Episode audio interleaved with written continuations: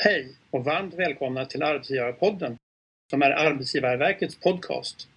Med podden vill vi belysa olika perspektiv, inspirera och sprida kunskap om arbetsgivarfrågor. Arbetsgivarverket är arbetsgivarorganisationen för de statliga arbetsgivarna. Mitt namn är Robert Kvarek och med mig idag har jag två av mina kollegor, Ann Lindblad och Sofie Andersson. Ann är kommunikationsansvarig för arbetsgivarvarumärket Jobba statligt och Sofie är utredare med inriktning på arbetsmarknads och utbildningspolitik. Kul att ha er här och varmt välkomna till Arbetsgivarpodden. Tack, tack. Kul. Idag ska vi prata om statens kompetensutmaningar. I rapporten Hur ska statsförvaltningen möta kompetensutmaningen på en förändrad arbetsmarknad har ni två intervjuat drygt 20 statliga arbetsgivare om statens rekryteringsläge och kompetensbehov, men också tagit fram statistik på hur unga akademiker, alltså framtidens statsanställda, ser på möjligheten att jobba statligt. Vi ska prata mer om varför Arbetsgivarverket tagit fram den här rapporten och vilka slutsatser vi kan dra av den. Ann, vad säger du? Varför har Arbetsgivarverket gjort en rapport om kompetensförsörjningen i staten? Ja, genom det arbetet med Jobba statligt som vi gör här på Arbetsgivarverket så tyckte ju vi att det saknades ett eh, statligt perspektiv bland de rapporter som vi ser publiceras om svensk arbetsmarknad varje år. Och även om staten är en liten del, ungefär 5% av svensk arbetsmarknad, eh, så tyckte vi ändå att vi är en viktig aktör där det sker en hel del intressanta förändringar här och nu och eh, inte minst med, i digitaliseringens följdspår. Eh, och vi ville helt enkelt fylla ut den kunskapsluckan med information om hur kompetensförsörjningen utvecklas i staten. Inte minst för att alla som söker ett eh, roligt och utvecklande jobb eh, och kanske inte har tänkt på staten som ett alternativ. Bra, vad säger du Sofie? Ja, men jag håller ju med Ann där att, eh, att vi tyckte att det fanns en lucka som vi kunde fylla. Men det var ju också så att vi gärna ville komma bortanför de här eh, statistiken som finns kring kompetensbehovet. Arbetsgivarverket tar ju fram en kompetensbarometer två gånger per år där vi tittar på hur behovet inom statlig sektor ser ut. Eh, men vi vill ju göra en mer kvalitativ analys också då av hur kompetensbehovet ser ut och det tycker vi att vi har gjort med den här rapporten. I rapporten anger ni att antalet jobbmöjligheter i statsförvaltningen kommer att vara 170 000 på fem år och 350 000 på tio år. Hur har ni kommit fram till de siffrorna? Det är ju rätt intressanta siffror för kommande rekryteringsbehov. Ja, alltså först vill jag säga att det här är en prognos, eh, så det är ju inte det är inte en bedömning av att här kommer det faktiskt att bli, men det är en prognos som är baserad på två antaganden egentligen. Eh, och det ena antagandet är att staten historiskt sett har utgjort en viss andel av befolkningen, ungefär 2,5 procent. Och då har vi antagit att staten kommer att fortsätta att vara den här stora andelen av eh, Sveriges befolkning. Och då har vi tittat på hur befolkningen kommer att öka framöver. Eh, det andra antagandet som vi har utgått från i prognosen är att personalomsättningen i staten kommer att fortsätta ligga på ungefär samma siffra. Och idag har vi en personalomsättning som är på ungefär 12,2 procent. Och räknar man på det här då eh, och räknar upp siffran för hur statsförvaltningen, hur stor den kommer att vara, så har vi kommit fram till att på fem år behövs ungefär 172 000 och på tio år 350 000. Ehm, och då vill jag också säga att det här är ju inte nya statsanställda utan det är ju möjligheter till jobb inom statsförvaltningen, alltså positioner som kommer att bli lediga. Många av de här positionerna kommer ju bli lediga därför att personer byter till andra statliga anställningar. Då blir naturligtvis den omedelbara frågan, hur ser det ut inom kompetensförsörjning i staten framöver? Vad visar er rapport? Ja, men vi har ju fokuserat på sex utbildningsinriktningar som är också det som vi fokuserar på inom Jobba statligt. Eh, och det här är utbildningsinriktningar som vi ser finns inom de flesta myndigheter i staten idag, eh, även om det kan variera hur många som arbetar på varje myndighet. Eh, och de här inriktningarna är systemvetare, alltså IT-kompetens, det är ingenjörer, det är ekonomer, det är jurister, det är naturvetare och det är samhällsvetare. Så det är de här vi har fokuserat särskilt på och ställt eh, frågor till myndigheterna om. Många av myndigheterna vi har intervjuat i undersökningen eh, tycker att de får tag på den kompetensen man behöver och många har också pratat om att det finns ett tydligt före och efter pandemins utbrott. Att det har blivit mycket lättare att rekrytera rätt kompetens.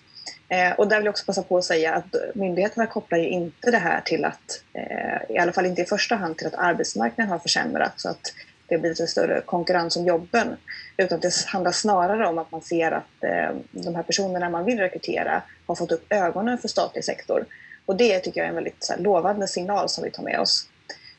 Um, och sen, din, din, fråga gällde hur kompetensbehovet ser ut och, och, de två största slutsatserna vi drar egentligen är ju att det kommer att finnas en ökad efterfrågan på kombinationskompetenser och soft skills eller mjuka kompetenser framöver. Du använder ett nytt begrepp som är nytt för min del och det är det här begreppet kombinationstjänster. Skulle vilja utveckla resonemanget kring det och vad det betyder och vad är det man efterfrågar? Mm. Ja, men kombinationstjänster eller kombinationskompetenser är ett begrepp som vi eh, använder för att beskriva när myndigheterna säger att de, vill efter, de kommer att efterfråga mer än bara en specialistkompetens framöver. Alltså att personerna ska ha mer än ett perspektiv med sig. Ehm, och det handlar ju då om att eh, man till exempel kan vara jurist med kompetens inom systemutveckling eller eh, systemutvecklare som också har någon form av utredarkompetens. Och det här är vanligt inom den statliga sektorn eller är det vanligt på hela arbetsmarknaden? Vi ser ju att det här kommer att eh, bli vanligare och jag skulle tro att det ser ut så på arbetsmarknaden i övrigt också. Men nu har vi tittat specifikt på staten. Ann, vad säger du om det här med kombinationstjänster? Hur ser du det för utvecklingen?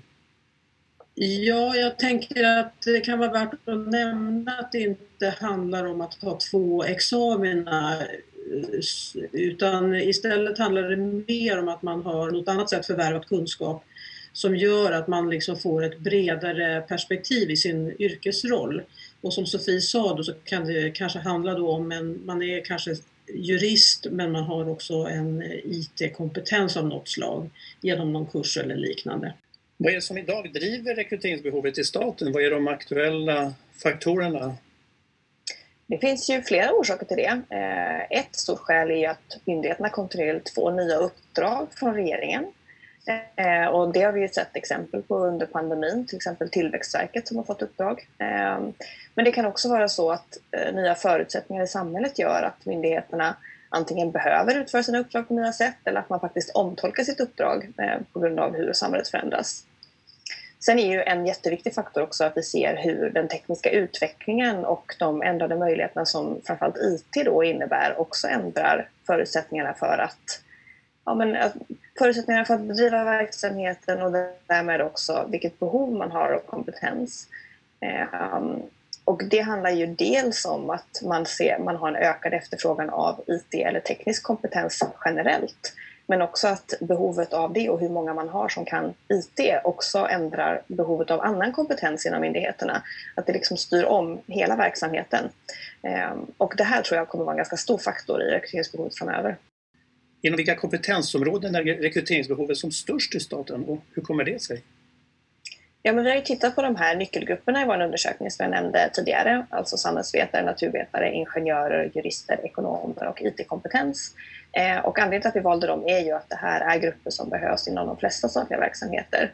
Och vår undersökning visar att det finns ett stort, fortsatt stort behov av dem även framöver. Eh, men vad vi också kan se är att rekryteringsbehovet är absolut störst inom systemutveckling inom IT. Eh, och det är också det här området som myndigheterna upplever att det är svårast att rekrytera kompetens inom. Och det här följer ju eh, trenden i samhället eh, och på arbetsmarknaden. Det finns en väldigt växande förväntan på att kunna utföra det mesta med digitala verktyg. Oavsett om det är bankärenden, om det är vård eller om det är kontakter med myndigheter. Och vad gäller staten så är det också så att vi har ju fått ett antal digitaliseringsuppdrag till myndigheterna och det driver ju också på utvecklingen mot att använda mer digitala tjänster. Ja, IT-verksamheten har ju blivit väldigt omfattande i myndigheterna. Kan man beskriva mer hur den har förändrats? Om du, mer, vill utveckla kring den delen? Ja, alltså det här är också en intressant sak som jag tycker blev väldigt tydlig i intervjuerna. Eh, och det är ju hur IT har utvecklats inom staten från att ha varit en stödjande del i verksamheten till att bli en kärnverksamhet i väldigt många eh, verksamheter idag. Och det innebär ett större behov eh, för att kunna hantera den här växande verksamheten. Man behöver mer personer som kan, kan göra det som eh, IT behövs. Men det gör ju också, som jag var inne på tidigare, att behovet av annan kompetens förändras. Eh, och sen har ju IT blivit mer verksamhetskritiskt också, så att har man svårt att rekrytera inom IT så blir det mer allvarligt. Det kan få konsekvenser för verksamheten på ett sätt som det inte har varit tidigare. Då. Det här är ju naturligtvis liksom en sorts gott exempel, kombinationstjänster. Vi ska ju alla vara lite duktiga på IT.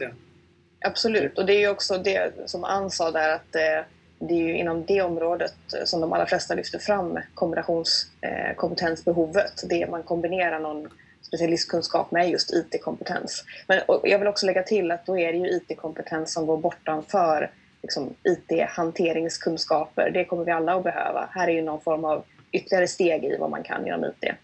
Ja, för det är två agendor. Dels att många ska kunna, men att vi också fördjupar IT-kunskapen och erbjudande digitaliseringen. Då är vi på front office också. Precis. Ann, en annan del i rapporten beskriver hur unga akademiker ser på att jobba inom staten. Hur, vad har ni för svar där? Ja, precis. Eh, vi har eh, tagit fram statistik över hur studenter och yrkesverksamma akademiker ser på en framtid inom staten. Och eh, där kan man ju se att eh, bland studenterna så är det en av tre som säger sig vara intresserade av att jobba statligt medan det bland de yrkesverksamma akademikerna är högre. Och eh, då kan vi konstatera att ju mer de unga akademikerna vet om arbetslivet i stort, desto mer ökar också intresset för att jobba inom staten. Och en förklaring kan vara att eh, de yrkesverksamma kanske jämför sin egen arbetssituation med andra alternativ på arbetsmarknaden och att de då liksom får upp ögonen för vad statliga jobb faktiskt innebär. Eh, och mycket på grund av att staten faktiskt erbjuder roliga, utvecklande och intressanta jobb men även för att det är bra villkor och trygga anställningar. Eh, och eh, det har ju varit väldigt viktigt också nu under pandemin. Unga akademiker är ju inte speciellt tilltalade av tillfälliga gig utan vill ha trygghet och säkra anställningar. Och sen kan man väl säga att intresset för offentlig sektor generellt har ökat vilket bekräftas både av vår egen rapport och andra studier som har gjorts i den här frågan. Eh, en annan sak man kan säga är att eh, det verkar som att pandemin har förstärkt den här trenden ytterligare och kanske har det också blivit tydligare under pandemin hur viktigt det faktiskt är att samhällsinstitutionerna fungerar. Vi har ju sett flera offentliga verksamheter som tidigare varit ganska anonyma som har fått mycket mer uppmärksamhet under pandemin. Och eh, inte minst presskonferenserna som har hållits har ju visat på det då. Och eh, då blir det väl så kanske då att många vill vara med och bidra till samhällsnyttan och att det kan man göra genom offentlig sektor helt enkelt. Det är intressant du beskriver för att unga akademiker innan de börjar plugga har ett stort intresse men de som har börjat bli yrkesverksamma på arbetsmarknaden deras intresse generellt ökar när de ser arbetsmarknaden. Det är det du beskriver, eller hur? Precis, precis. Man jämför vad, kan, vad har jag nu och vad kan jag få senare liksom, om jag väljer en annan, ett annat jobb i en annan sektor till exempel. Ann, du nämner det här med samhällsnyttan. Varför tror du att det är så viktigt för unga att vilja bidra till samhällsnyttan? Och vad betyder det här begreppet samhällsnyttan? Ja, det är ju ett väldigt stort och vitt begrepp. Men många unga idag, exempelvis de som tillhör generation Z, det vill säga de som är födda mellan 95 och 2012, de drivs ofta av ett eh, väldigt starkt samhällsintresse och vill vara med och påverka. Och eh, skillnaden mot tidigare generationer, om man säger på 70-talet och liknande, så eh, väljer de här personerna ofta att driva enskilda sakfrågor istället för att arbeta politiskt som man gjorde kanske på 70-talet i en annan utsträckning. Och det ser vi ju inte minst i fallet eh, Greta Thunberg som driver miljöfrågorna som en enskild eh, agenda. Vad säger du Sofie?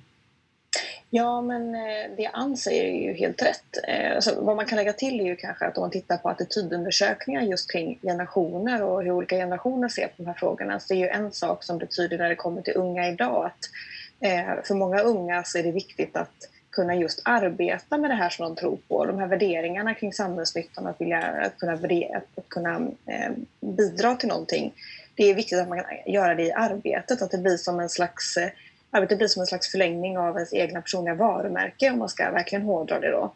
Och det tror jag gör att då kommer man ju i större utsträckning leta efter den typen av arbete och det, och det tycker jag man ser eh, i här, både i statistiken men också om man tittar på attitydundersökningar. Och en sak som man kanske kan tänka är en orsak här är att många unga idag har växt upp i tider av kriser. Det har varit finanskrisen, det har varit klimatkrisen som har pågått under hela deras uppväxt. Det har varit kriget och terrorismen. Det är många sådana här faktorer som gör att samhället eh, liksom det kringliggande samhällsinstitutioner och så blir viktigare för unga. Det där tror jag är en intressant tråd och då kan ju staten som sagt erbjuda många intressanta arbeten. Ann, vilka andra insikter har du gjort som man kan ta med sig som statlig arbetsgivare för att stärka sitt arbetsgivarvarumärke? Ja, alltså många statliga verksamheter är oerhört duktiga på att lyfta fram samhällsnyttan i samband med rekryteringar och liknande. Men vi ser också ett ökat behov av att man lyfter fram samhällsnyttan även i det vardagliga.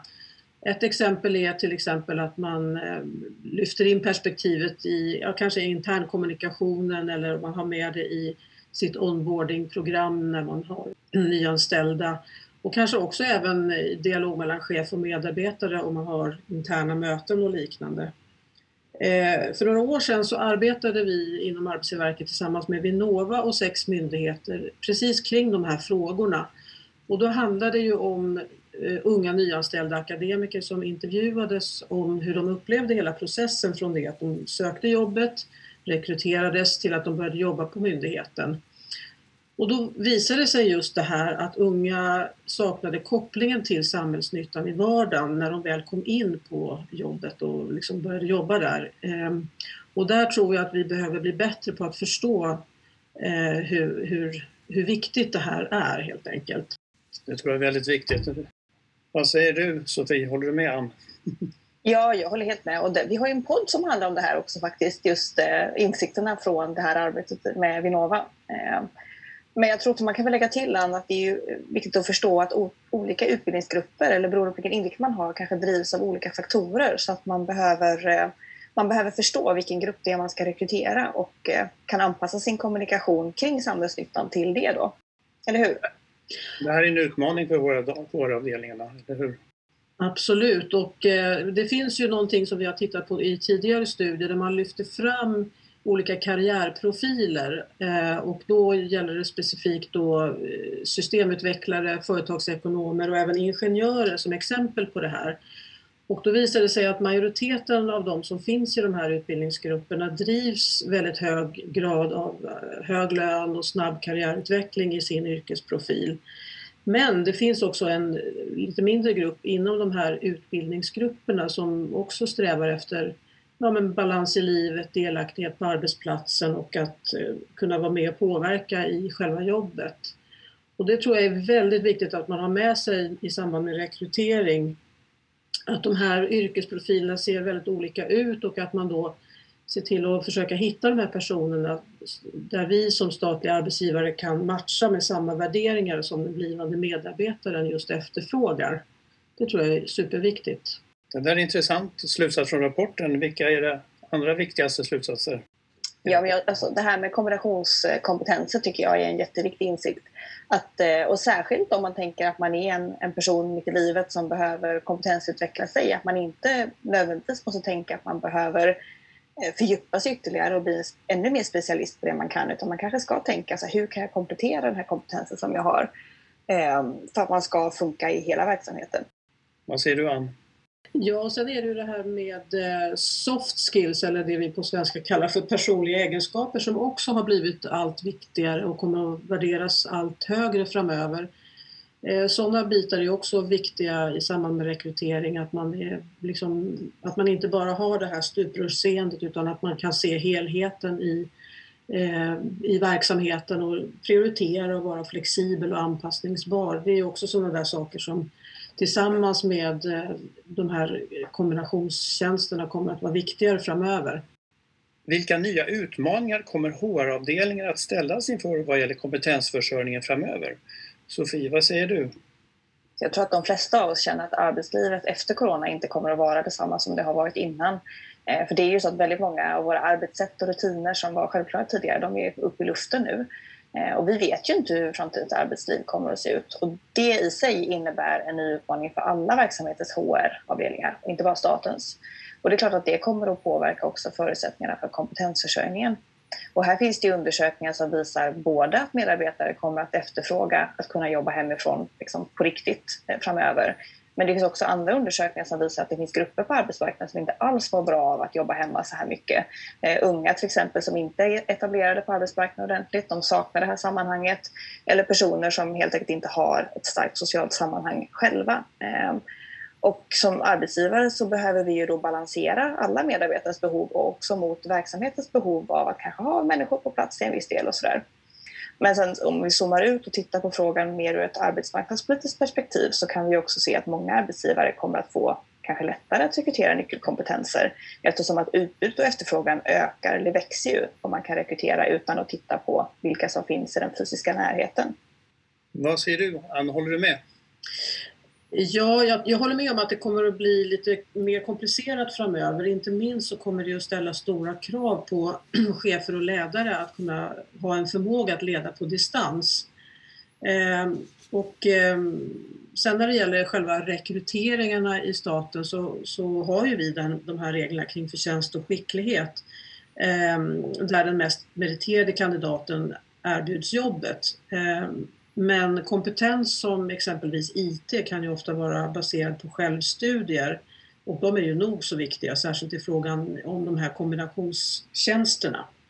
Tack så mycket. Vi har idag pratat om statliga myndigheters rekryteringsläge, kompetensbehov och framtida kompetensutmaningar. Stort tack till er, Ann och Sofie, för att ni ville vara med här idag och dela med er av er kunskap, tankar och erfarenheter. För er som vill ta del av den intressanta rapporten kan jag meddela att den finns att läsa på Arbetsgivarverkets webbplats, arbetsgivarverket.se. Men innan jag släpper iväg er skulle jag vilja ställa en sista fråga nämligen. Sofie, vi börjar med dig. En sak du vill att vi tar med oss, det kan vara något du redan sagt och vill förstärka ytterligare eller något helt nytt. Ja, men då vill jag upprepa det här jag sa kring eh, kompetensbehovet inom IT och vad det är som eh, driver det. Och eh, att vi har sett att det har verkligen skett en förändring av IT i staten. Att det har gått från att vara en stödverksamhet till att bli en del av många myndigheters kärnverksamhet. Ehm, jag tycker att det här nyanserar bilden av kompetensbehovet av IT som man pratar ganska mycket om. Ehm, så den insikten tycker jag man ska ta med sig. Och Ann, vad tycker du att vi ska ta med oss, eller som du vill förstärka? Ja, jag tänker nog mer på det här med eh, samhällsnyttan och hur man kan påminna både sig själv och sina kollegor i vardagen om vilket viktigt uppdrag man gör inom statsförvaltningen. Och eh, som jag nämnde tidigare så har man ju sett att det här är jätteviktigt, inte minst när det gäller eh, nya unga eh, medarbetare. Så att eh, det tror jag är väldigt viktigt. Tack ska ni ha. Och tack också till dig som lyssnat. Om du har några frågor eller förslag på ämnen som du vill att vi ska prata om i podden, hör gärna av dig till oss på webb Mitt namn är Robert Färek. Vi hörs snart igen. Hej då! Hej då! Hej då!